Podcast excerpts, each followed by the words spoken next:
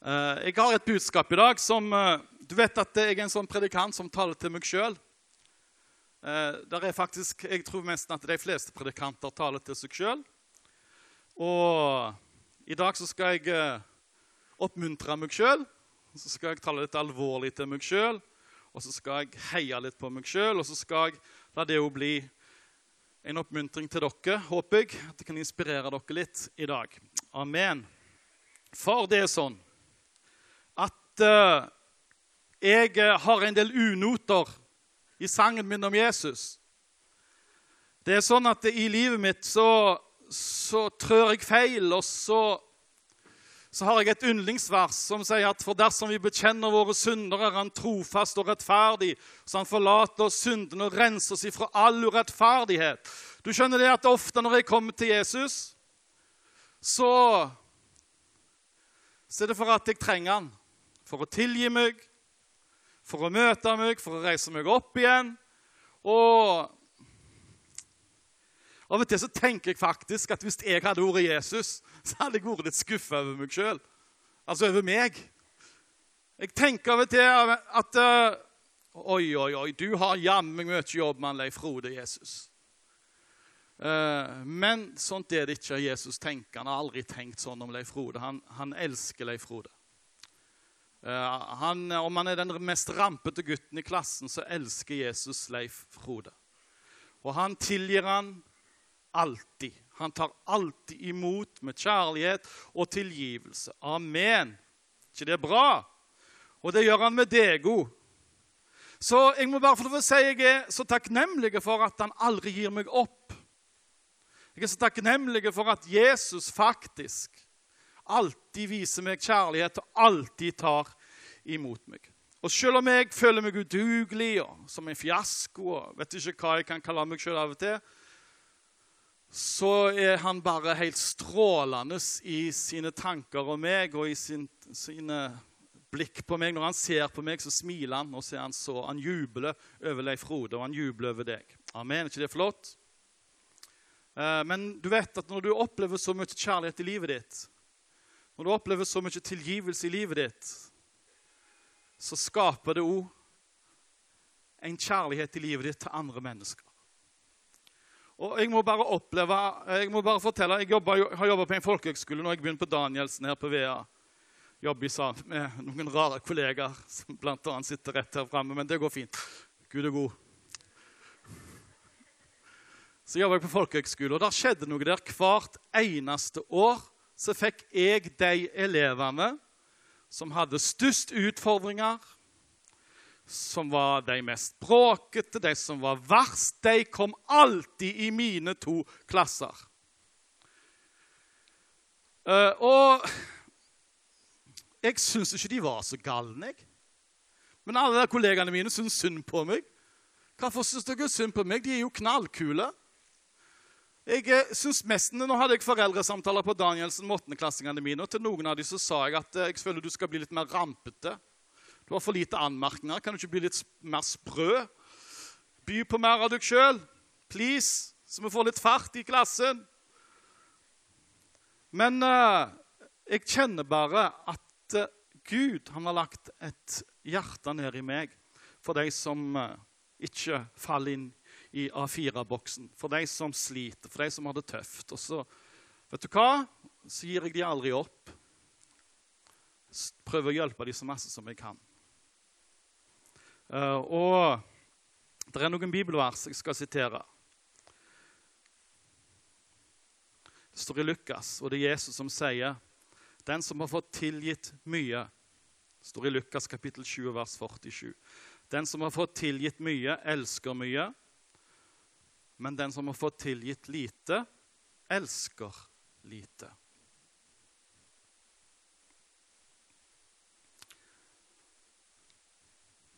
Den som har fått tilgitt mye, elsker mye, men den som har fått lite tilgitt, elsker lite.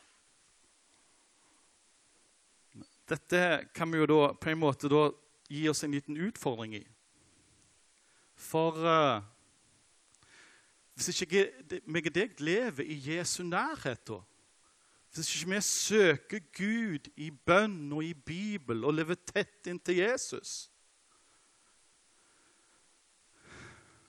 så vil vi ikke så ofte kjenne på den tilgivelsen han har for oss. Så vil vi ikke ofte tenke på den kjærligheten han har til oss, som løfter oss opp. Som bringer oss videre. Du vet at eh, Når du søker Jesus og lever i hans nærvær, så blir du mer følsom for de tingene i livet ditt. Følsom for de tingene i livet ditt som ikke er så bra. For de tingene du gjør feil, for de gangene du sårer noen, for de gangene du gjør ting som du ikke tenker på engang, kan øyelegge livet for noen. Det kan være at du er sur i feil øyeblikk, som gjør at et menneske kan bli helt nedbrøten av deg. Det kan være at du faktisk, uten at du tenker på det daglig, gjør ting som ikke behager Gud, og som på en måte ikke er så kjekt heller for deg rundt deg. Men hvis du aldri lever i Guds nærhet og i sammen med Jesus, så blir du jo tilgitt lite. Og da vil du jo elske lite. Eh, jeg har noen vers jeg ber over for tida, som jeg ønsker skal skje da, men det, veldig skummelt, så jeg håper egentlig ikke at det skjer. Men det står i Jesaja kapittel 6 og fra vers 5. Og Det er profeten Jesaja som opplever noe helt spesielt. Han opplever fysisk å komme inn i Guds nærhet. Og han opplever engler, og han opplever Gud veldig, virkelig for seg.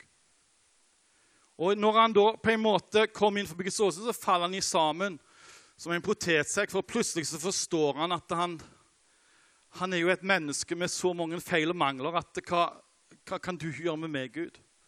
Og så står det her da fra vers 5. Da sa jeg, ved meg, jeg er fortapt, for jeg er en mann med urene lepper, og jeg, i, og, jeg midt, og jeg, bor midt iblant et folk med urene lepper, og mine øyne har sett kongen, herskarenes herre.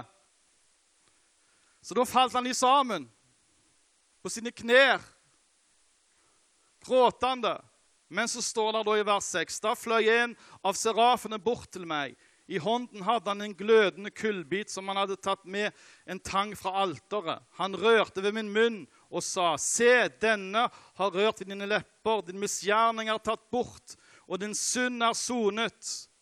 Og da hørte jeg Herrens røst som sa, Hvem skal jeg sende, og hvem vil gå for meg? Og jeg svarte, Jeg vil. Amen. Så vi må forstå at Esaias han var ikke villig. Han, eh, han, ville ikke gå Guds vei. Han var ikke den som ville bli sendt ut. Ikke, sant? ikke send meg, men send han. Men så ser vi at i et nært møte med Gud, hvor Gud får lov å åpenbare sin hellighet og sin storhet og sin herlighet, så faller han i sammen, for han forstår at i livet hans er det så mange ting som ikke er bra. Men så rører Jesus med ham. Amen.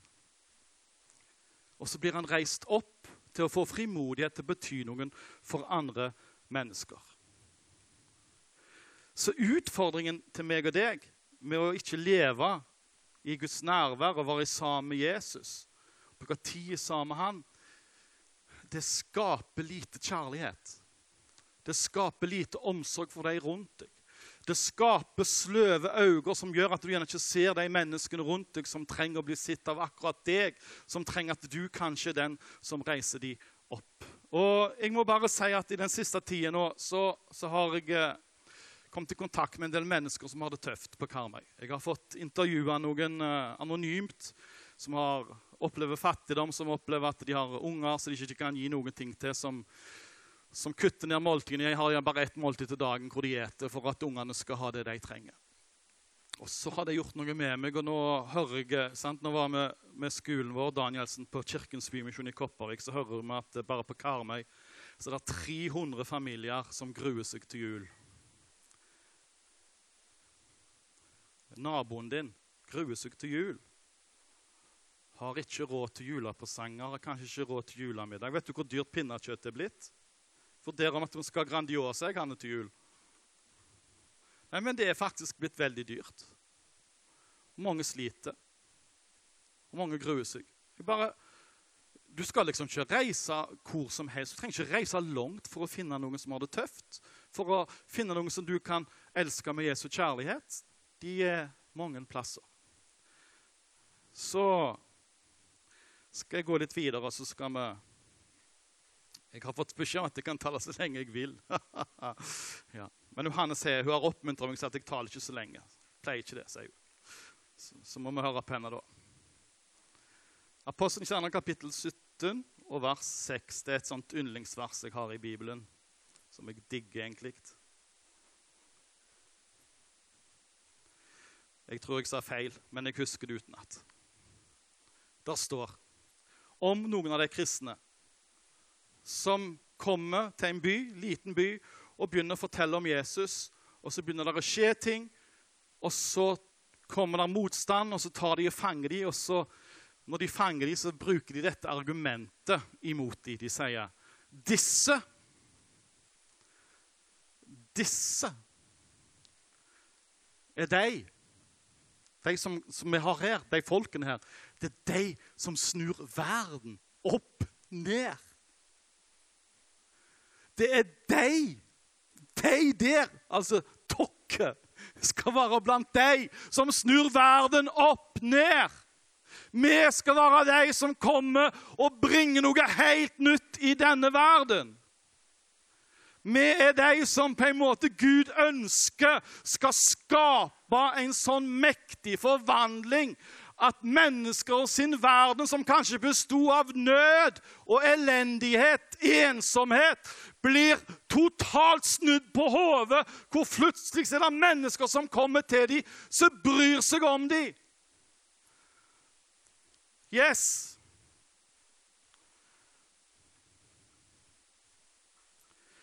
Jeg tenker jo på, på våre kjære ukrainere som sitter her iblant oss. Dere kom, og så ble dere en velsignelse for oss. Amen. Men Guds plan er Dere er kommet her for å snu vea opp ned. Visste du det? Dere er det. Det er så lett for at en kanskje tenker nå, nå er vi kommet et, på en trygg plass. Så skal vi få fred. Men Gud har en plan om at hvor enn du er, så skal du være en velsignelse. Så skal du være med og snu verden opp ned. Du skal være med og bety noe for mennesker som har det tøft, for mennesker som lider. Du skal være den. Amen. Jeg, bare, jeg tenkte jeg skulle si det, og jeg vet at dere har faktisk eh, bringt masse velsignelse, fått mange til å våkne opp for det å bry seg og det å bety noe for andre enn oss sjøl, og kanskje ofre noe. Og hvor viktig er ikke det å lære seg når du er kristen? Det er jo det Jesus gjorde. Han ofra seg totalt sjøl, og han er vårt store forbilde. Så det at vi da kan gjerne ofre en leilighet eller kan ofre en eller annen ting i livet vårt for å hjelpe noen, det er etter Guds hjerte. Men OK, hvordan skal vi få dette i gang? La meg gå til Feserbrevet kapittel 2, vers 8 og 10.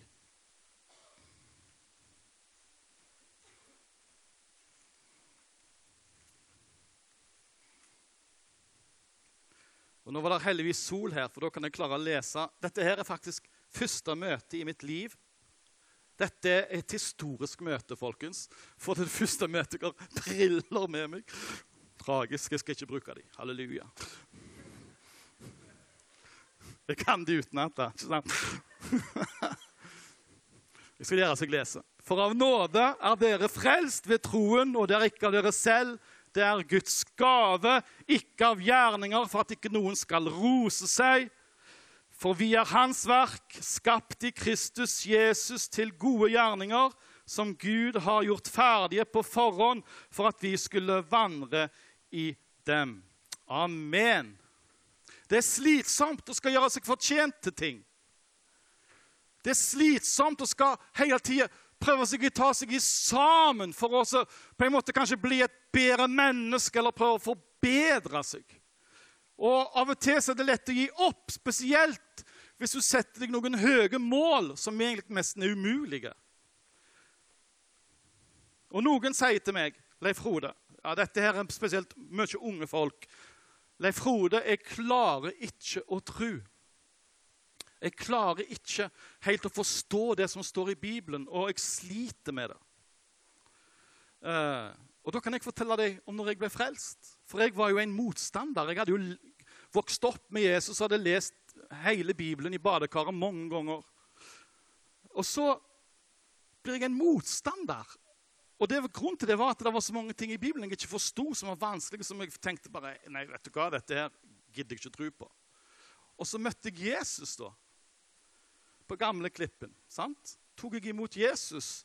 Og så var det akkurat som det var et sånt eh, blitslys som fylte hele hjernen og hodet, hele meg. Og jeg som plutselig ikke hadde trodd på noe, plutselig så ble jeg helt totalt overbevist. Så forsto jeg plutselig ting som jeg aldri hadde forstått. for det bare akkurat som du trykte på en knapp, og så tog, kom det over meg og inn i meg. Fantastisk. Troen er en gave, står det her. Det er ikke noe du kan gjøre deg fortjent til. Troen er noe som Gud legger ned i oss. Amen. Som ei gave. Og når vi har fått den gava, så står det i Bibelen at han gir oss alle en del, altså et mål av tro. Det betyr at jeg ble jo helt spinnhakka sprø når jeg ble kristen. Jeg begynte med en gang å springe rundt til vennene mine og skremte vettet av dem. Og fortalte de om Jesus og, og, var på. Men så hadde jeg en annen kamerat som var den mer stillferdige typen. Han hadde blitt frelst sånn som jeg er født på ny. Men han var liksom litt mer balansert. Han snakket med folk én til én ofte og, og nådde de på en annen måte enn meg. Han hadde en annen mål av tro, og alle har fått et mål av tro. Hvorfor har vi det? For vi er forskjellige. Jesus elsker, han har skapt oss alle helt unikt. og Derfor er det ikke sånn at han bare tar og Ja, nå har jeg én sort tro her. Vi putter den på alle. Og Det er jo det som er problemet for noen av oss. ikke sant? At vi prøver å ha tro nok til å gjøre mektige ting som vi egentlig ikke har mål nok til å gjøre. For det er det som på en måte er poenget her. For Jesus sier at du kan ha tro som et sennepsfrø. Det minste frøet, visstnok, har jeg hørt rykter om. Men vet du det, Hanne? Du er gartnereksperten. Stemmer det at det er det minste frøet? Sikker, vet ikke, men et fett er iallfall knøttlite. Jeg har sett. Jeg har faktisk sett. På et møte en gang, på et søndagsskolemøte fikk vi utdelt som sennepsfrø. De er veldig små. Altså, De er kjempesmå i forhold til f.eks. For andre frø. Dere hvis du har så lite tro, så kan du si til et fjell 'flytt deg', kast deg i havet.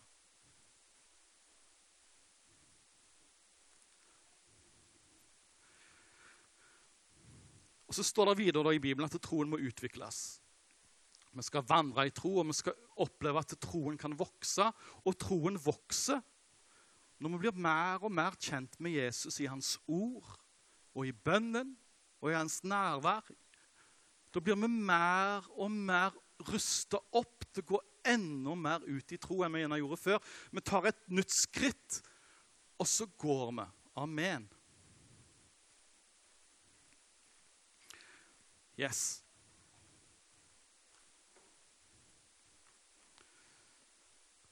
Så da er de tro. Den skal komme i funksjon. Og da må du forstå at når du da lever sammen med Jesus og i hans nærvær, så vil han hjelpe deg til å gå ut med den troen som du har fått. Og da er det sånn at jeg kanskje skal gå hjem til noen og be for syke. Det skal vi alle gjøre, står der i Bibelen, men noen har mer tro enn andre. Og så, men så er det kanskje du som har fått en annen gave. Kanskje du har jeg vet ikke, kanskje du har det veldig bra økonomisk, at du faktisk kan være med og velsigne og hjelpe folk på den måten. Jeg husker en gang jeg og Hanne bodde på Sørlandet så hadde vi det litt tøft. Jeg mista jobben min, og ting gikk ja, det gikk rett og slett helt ad undas. Hele livet gikk i kjelleren og så under kjelleren òg, i et bomberom der. Det, det var helt tragisk. Tragisk sånn som det gikk. Og vi hadde elendig økonomi, og vi hadde bygd nytt hus. Uten jobb og psykisk litt, nesten litt nede. Og så ba vi da, kjære Gud, hva skal vi gjøre nå? nå dette her ser helt umulig ut. Og det er voldsomt mange som ber om den bønnen der. Noen ganger så får en kanskje svar, men vet du hva? Jeg gikk ut et ærend, og så plutselig så ringer det på døra. Hjemme. Og så går han ut, og så er det en mann som kommer der. Eh, og så er det bare begynt mint om at jeg skal gi dere noe. Og så han er, blir paff når å opplever sånt. Det blir for så vidt jeg òg av og til. Så de, Hæ? Hvorfor, hvorfor det? «Eh, Ja, tu, ja mm, tusen takk. Og så går hun og setter seg i stua, og så rett etterpå så banker det på døra igjen. Kommer der en ny fyr. Hei, jeg bare sier at jeg blir minnet av Gud om å gi dere dette her. Eh, og så han Ja, tusen takk. Går inn, og så ringer det på døra for tredje gang på bare kort tid. Akkurat som de står i kø ut forbi, alle som vandrer i tro. Halleluja. Sant? Skulle vært enda flere som vandrer i tro, kanskje. For, for da kommer det en tredje, og da vet jeg han, sant? Jeg fikk vite det etterpå. Da er det altså en familie som er i samme situasjon som oss. Som har et hus som er fem ganger så dyrt som oss, og hvor han har mista jobben, eller han har sagt opp jobben, og de har det steintøft. Og så kommer han og gir et av de største beløpene til oss. Heldigvis var ikke jeg hjemme. Det var nok Guds nåde, for da hadde jeg nekta å ta imot. Men han hun tok imot. Gud signe deg. For en velsignelse. Eh, så gikk jeg og snakket med deg som hadde det tøft, og så sa jeg at jeg syntes det var for galt at du Jeg vet jo hvordan du har det. Vi snakket jo om dette her for noen dager siden. Så sier han ja, men Gud minte meg på at jeg skulle gjøre dette her. Og jeg lover deg én ting, Leif Rode. Når, han, når jeg har vært lydig før, så har han kommet og så har han velsignet oss tilbake. For han vandra i tro. Han vandra ikke i det som var sikkert økonomisk. Han gikk på det som Gud minte han om. Og da blir noen velsigna, skjønner du. Men vet du hva han sa? Han ble enda mer velsigna. For det å høre Guds stemme, få lov til å gå i tro på noe som han minner deg om, det er, kan være tøft. Men når du har gjort det, så kan det bringe deg rik velsignelse og gjøre at du får rett fokus i livet ditt. Og da er det bare én ting som gjelder videre. Det er å vandre i tro og få lov til å komme inn i enda mer av de gjerningene, de ferdiglagte gjerningene som ligger klar for oss når vi går i tro. Det er ikke noe ork, men det er noe som du faktisk gjør for at Jesus minner deg på det. Og da blir du til en velsignelse for mennesker, men så får du faktisk òg oppleve det guddommelige. Du får oppleve at Gud fins, og han taler til meg. Og han er ikke bare en teori eller en religion, men han er levende. Halleluja. Og han lever sammen med meg, og han vil bruke meg til å vandre i tro i sammen med han. Paulus han snakker om tro virksom ved kjærlighet. Hvis du helt oppriktig mener at du har tro, så må den aktiveres ved kjærlighet. Det betyr gode gjerninger. Troen vår vil komme i funksjon den dagen jeg og deg forstår at vi er skapt ikke til å leve for oss sjøl, men å leve for Jesus. Og ikke minst, vi er ikke skapt for å bruke alt på oss sjøl og kun tenke på oss sjøl, men Jesus har forvandla mitt liv til å vandre sånn som han gjorde. Ikke på sin, din egen vei, men ikke gjør det som du sjøl vil, men jeg gjør det som Gud vil i mitt liv. Og han bestemmer på en måte litt over meg.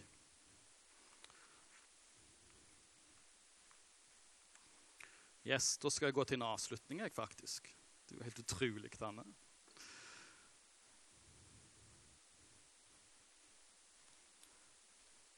Jeg, jeg, har søkt opp et ord som heter overfladisk. Overfladisk. Og grunnen til det er jo at jeg eh, jobber med meg sjøl for tida, i en prosess hvor jeg ikke ønsker å være en overfladisk kristen. Og så søkte jeg opp hva det defineres som. Skulle høre definisjon på overfladisk. Å være overfladisk betyr at man ikke bryr seg om stort mer enn utseende og materielle ting. Det var nummer én. Nummer to Dette er et adjektiv som brukes til å beskrive noen som er eksisterende eller forekommende på overflaten, eller synes å være sant eller ekte bare før det blir undersøkt nærmere. Her kommer det igjen. Det som er ekte i mitt og ditt liv, det som betyr noe i mitt og ditt liv, det er det som blir født når vi er sammen med Jesus. Det er det som er ekte. Og det er Da, da må jeg jo spørre meg selv, Leif Frode, lever du et overfladisk liv? Har du et liv som tåler å bli undersøkt av andre?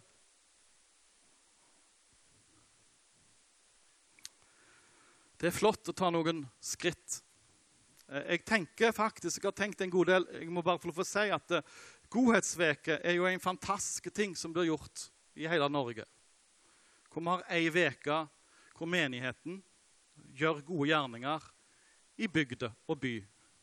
Overalt. Stort sett. ikke det er fantastisk? Eh, Jeg vet ikke om du har forstått at den veka skal være en oppmuntring til deg, sånn at du kan forstå at hele ditt liv skal være ei godhetsveke. Hele mitt kristenliv og hele ditt kristenliv skal være ei godhetsveke. Amen.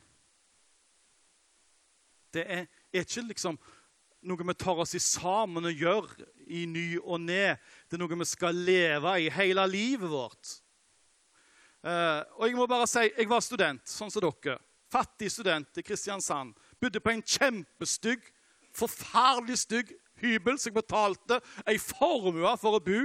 Kjøkkenet var så lite at uh, ja, få, Du gikk inn, og der kunne du kun stå der du gikk inn. Det var umulig å snu seg noen ting. Du bare lagde maten der. En vask og noen greier. Toalettet det var enda mindre. Så der kunne du dusje og gjøre alt det andre på én gang. Og så kommer Gud til meg der jeg er. Jeg, jeg, kjent, siste uka hadde jeg 50 kroner. Da kjøpte jeg en fiskepudding og poteter. For 50 kroner så hadde jeg en, to dager med stekt, stekt fiskepudding. Tredje dagen da hadde jeg i hvit saus. Og fjerde dagen da hadde jeg i curry cur, Er det curry, dette? Sånn currysaus. Og så siste dagen og fastdag. Halleluja. Så fikk jeg heldigvis studielån og alt det der. Og midt oppi det så kommer Gud og sier til meg, Leif Frode Nå skal du gi fast i morgen nå.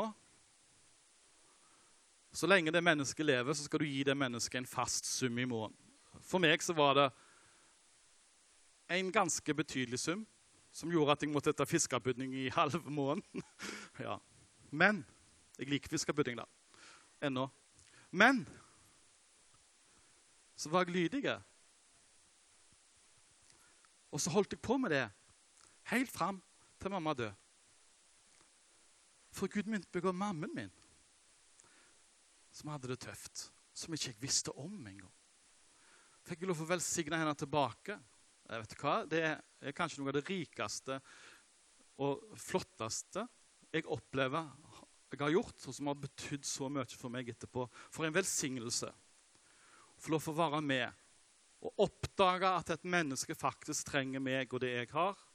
Og så kan jeg få lov til å begynne å vandre i tro, og så kan jeg faktisk få lov til å ofre noe for å gjøre det som Gud vil. Og da skjer det noe mystisk. Du vil aldri gjøre noe annet. For Hvis du kommer inn i et sånt liv, så er det ingenting annet som vil bety noe mer for deg enn å leve for Jesus i tro og ta disse små skrittene for å være med og gjøre noen gode gjerninger for noen. Så det jeg har lyst til å minne oss om i dag eh, For det jobber jeg jo med sjøl hele tida. At Gud La jeg få lov til å høre mer og mer av din stemme. La jeg få nåde, far, til å ta nye trosskritt, sånn at jeg kan få lov til å komme inn i de ferdelagte gjerningene, det som du har klart for meg. Heldigvis skal Daniel gjøre sine ting, så skal jeg gjøre mine ting. For vi har fått et mål av tro. Han har fått et mål av tro, og jeg har fått et mål av tro. Han skal gå sine troskritt, og jeg skal gå mine troskritt. Så skal vi oppmuntre hverandre på veien i sammen når vi gjør det. Jeg takker deg, far. Jeg takker deg for at uh, du er så god. Takk for ditt smil. Takk for at du jubler over oss, Herre i kjærlighet og i glede, Herre. Takk for at du tilgir og du tilgir, og du tar alltid imot oss, Herre. Jeg priser deg, far, for at vi kan få lov til Jesus Kristus Og besvare denne kjærligheten du har vist oss, Herre, med å vise andre kjærlighet. At vi kan få leve ut den kjærligheten du har vist oss, sånn at vi kan få lov til, Herre, å bli brukt av deg i hverdagene våre, Jesus, til rik velsignelse. Ser du de som gruer seg til jul, Herre? Du ser de som gruer seg til jul på Vea, på Åkra, på Sævland, Herre. Hver eneste plass så er det noen som lider, Herre. Som gråter, Herre. For de har ingenting. Gi oss nåde at vi denne julen, Gud, kikker på noen andre enn oss sjøl. At vi kan få nåde kanskje, o far, til å ta noen trosskritt og hjelpe noen, Herre. Gi oss øyne så vi kan se, Herre. Det ber jeg deg om, far, i Jesu Kristi navn. Amen. Amen.